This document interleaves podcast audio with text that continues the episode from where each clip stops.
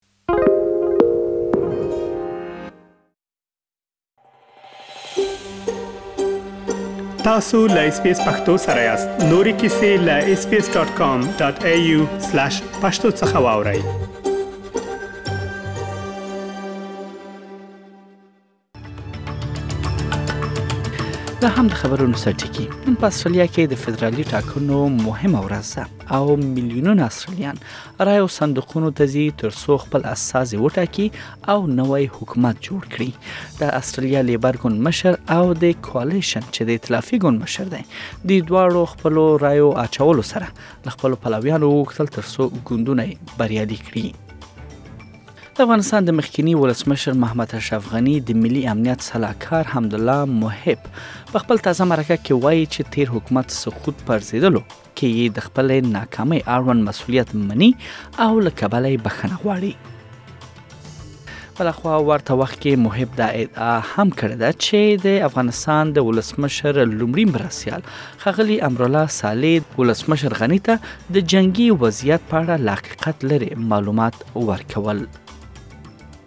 او بل خبر دا ده چې د روسیې دفاع وزارت وایي د اوکرایني پوځیانو له تسلیمېدو وروسته یې ځواکونه په ماریپول کې د فولادو د کارخانې بشپړ کنټرول ترلاسه کړی دی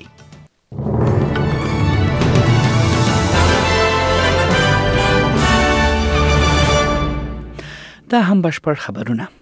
نن په استرالیا کې د فدرالي ټاکنو ورځ ده او میلیونونه استرالیان د رایو صندوقونو ته ځي ترڅو خپل رای واچوي او خپل استازي پارلمان ته وټاکي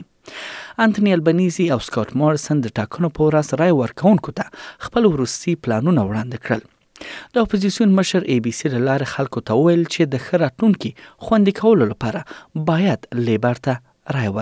They should vote today for cheaper childcare. They should vote for action on climate change. They should vote to make more things here. They should vote for more secure work and dealing with the cost of living challenges. Labor will make childcare cheaper, energy prices cheaper by supporting renewable energy. We'll make medicines cheaper. And what's more, we won't have this government's policy of deliberately keeping wages low.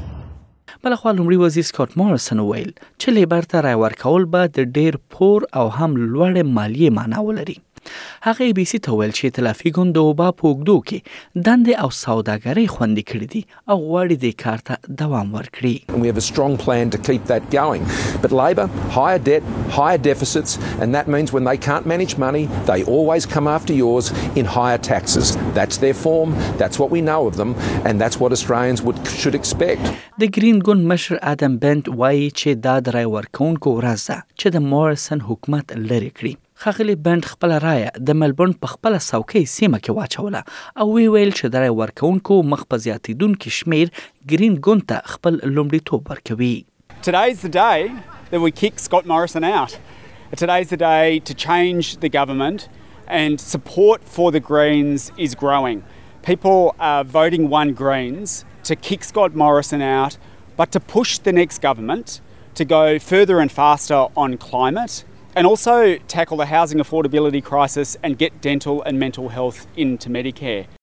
د لبرال ګوند پارلمان غړی ټیم ولسن د ملبورن د ګولډسټین څوکۍ له لاسه ورکولو خطر سره مخ دی، چیرې چې هغه د خپلواک زوي ډینیل سره د سختې سیالۍ سره مخ دی. د ای بي سي شبکې پخوانۍ بهرنیو چارو خبریاله یو له نوماندانو څخه ده او نوموړې د یو میلیونر سیاسي فعال سایمن هولمز مالي ملاتړ له ځان سره لري.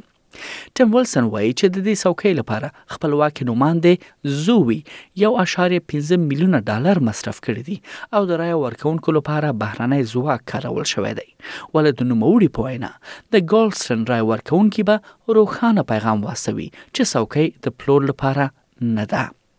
I won't be intimidated by the Teal campaign, who at every point have used uh, thuggish tactics to try and silence us, whether it's legal threats, whether it's uh, putting things on my own front fence, whether it's graffitiing our streets, uh, whether it's sending on protesters, to get up an Extinction Rebellion. We're not here to be intimidated. Our community is going to send a strong message that it's not an acquisition up for sale uh, for Simon Holmes Accords Trust Fund. We're going to get on with the job of sending our community's values to the nation.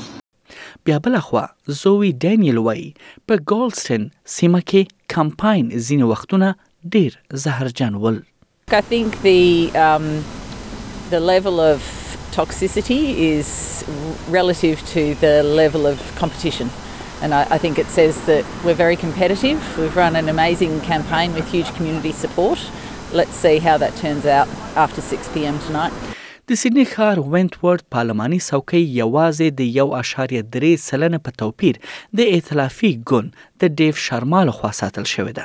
او دواړو ګوندونو او خپلواکو نوماندانو لپاره دا څوکۍ ډیره مهمه ګڼل کیږي.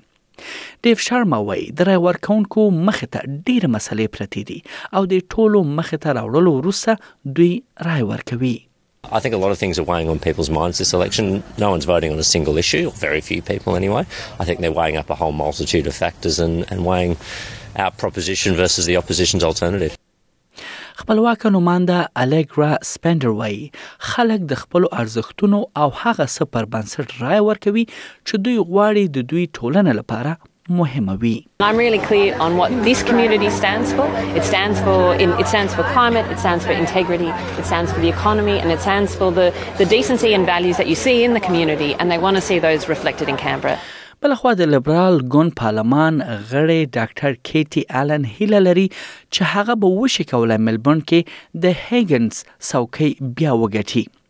هغې د کمپاین په جریان کې خپل د ګوند مشر خلاف نظر ورکړی و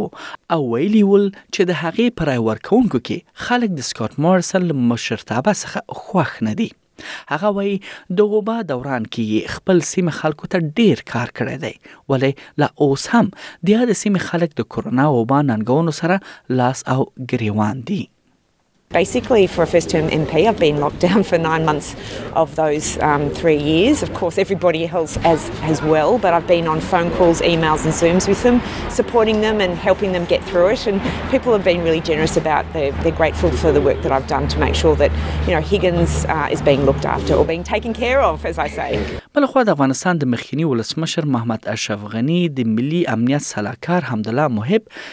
له بي بي سي سره خپله تازه مرکه کې وايي چې د تېر حکومت سقوط پرزېدلو او د خپلې ناکامۍ اړوند مسوولیت مني او له کبله یې بښنه غواړي. ښاغلی محب زیاتوي، هیله مند دی چې نور ټول ښکېل کسان به هم وکړای شي چې رامخې ته شي او وضاحت ورکړي چې وضعیت څنګه و. نوموړی وايي، دا ورباندې د افغانستان د خلکو، تاریخ او هغو قربانیو پور دی چې په دې لار کې ورکړل شوي دي. د هغه په خبره دا کار به افغانانو لپاره د یوې ښې راتلونکې جوړېدو کې مرسته وکړي. بلخوا نوموړي بي بي سي سره ځانګړې مرکه کې دا هم ویلي دي چې د جمهوري نظام د سقوط په وروستیو ورځو کې د ملي امنیت شورا او د ولسمشر د لومړي مرستیال دفتر ترمنځ ځینې اختلافات رامنځته شوي وو. نوموړي بي بي سي سره ځانګړې مرکه کې ویلي دي، دا اختلافات د هغو مشورو او معلوماتو په برخه کې وو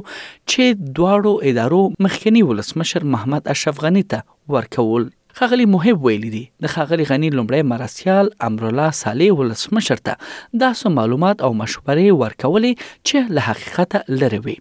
د دې پوښتنې په ځواب کې چې د خپل وروستۍ دندې په څو ورځو کې یې تر ټولو لویه تېروتنه څه وه، ښاغلي محب وویل، کله چې جنګي حالت رامنځته شو د ادارو ترمنځ ټکر راغلی و معاون صاحب اول هم ډېره علاقمندي درلوده په امنیتي سکتور کې مشورې به یې رئیس صاحب جمهور ته ورکولې مونږ هم دا کار کوو هغه معلومات چې مونږ ورکول او معاون صاحب اول ورکول ډېر تفاوت و پکې ډېر معلومات داسې و چې له حقیقت سره یې سر نه خوړلو. ښاغلی محب وایي چې ده په دې برخه کې یو څه کولای شوای، د بېلګې په توګه دا چې پر مقابل لوري ولسمشر لومړی مرستیال ډېر فشار راوړي او یا دا چې له خپلې دندې استعفا وکړي. په خپله امرالله صالح تر دې دمه د حمدالله محب دې څرګندونو ته کوم غبرګون نه دی ښودلی، خو په تېر کې یې پر مخکیني ولسمشر غني نیوکه کړې ده چې هېواد یې پرېښود. بلخوا د روسیې دفاع وزارت وایي د اوکرایني پوځیانو له تسلیمیدو وروسته یې ځواکونه په ماریپول کې د ازوف سټال د فولادو د کارخانې بشپړ کنټرول په لاس کې اخیستی ولسمشر ولادمیر زلنسکي وایي پوځیانو ته د وتلو واضح لارښوونه شوې وه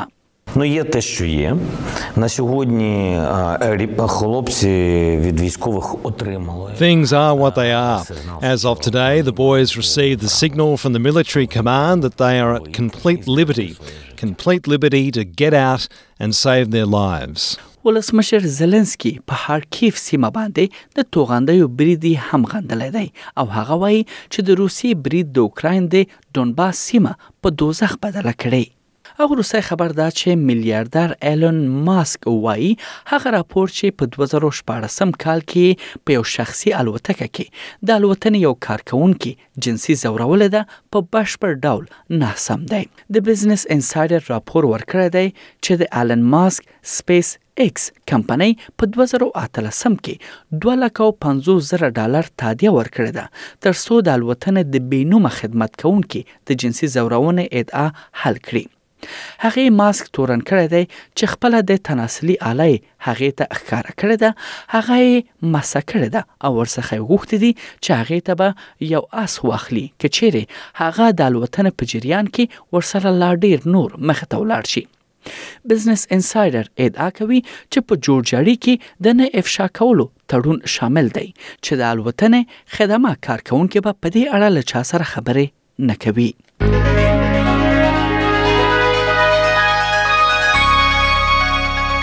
د هم د استرالی ډالر پر وړاندې د زینو بهرنۍ اسعار به په نړیوالو مارکیټونو کې یو استرالی ډالر 0.8 امریکایي سنت 0.8 یورو سنت یو استرالی ډالر درې شپېته اشاریه څلور اویا افغانۍ روپۍ یو سلو یو څلوېښت اشاریه اتلس پاکستانۍ روپۍ یو استرالی ډالر څلور پنځوس اشاریه یو اتیا هندۍ روپۍ دوه اشاریه اته پنځوس اماراتي درهم او صفر اشاریه شپږ پنځوس انګلیسي پنسه ارزښت لري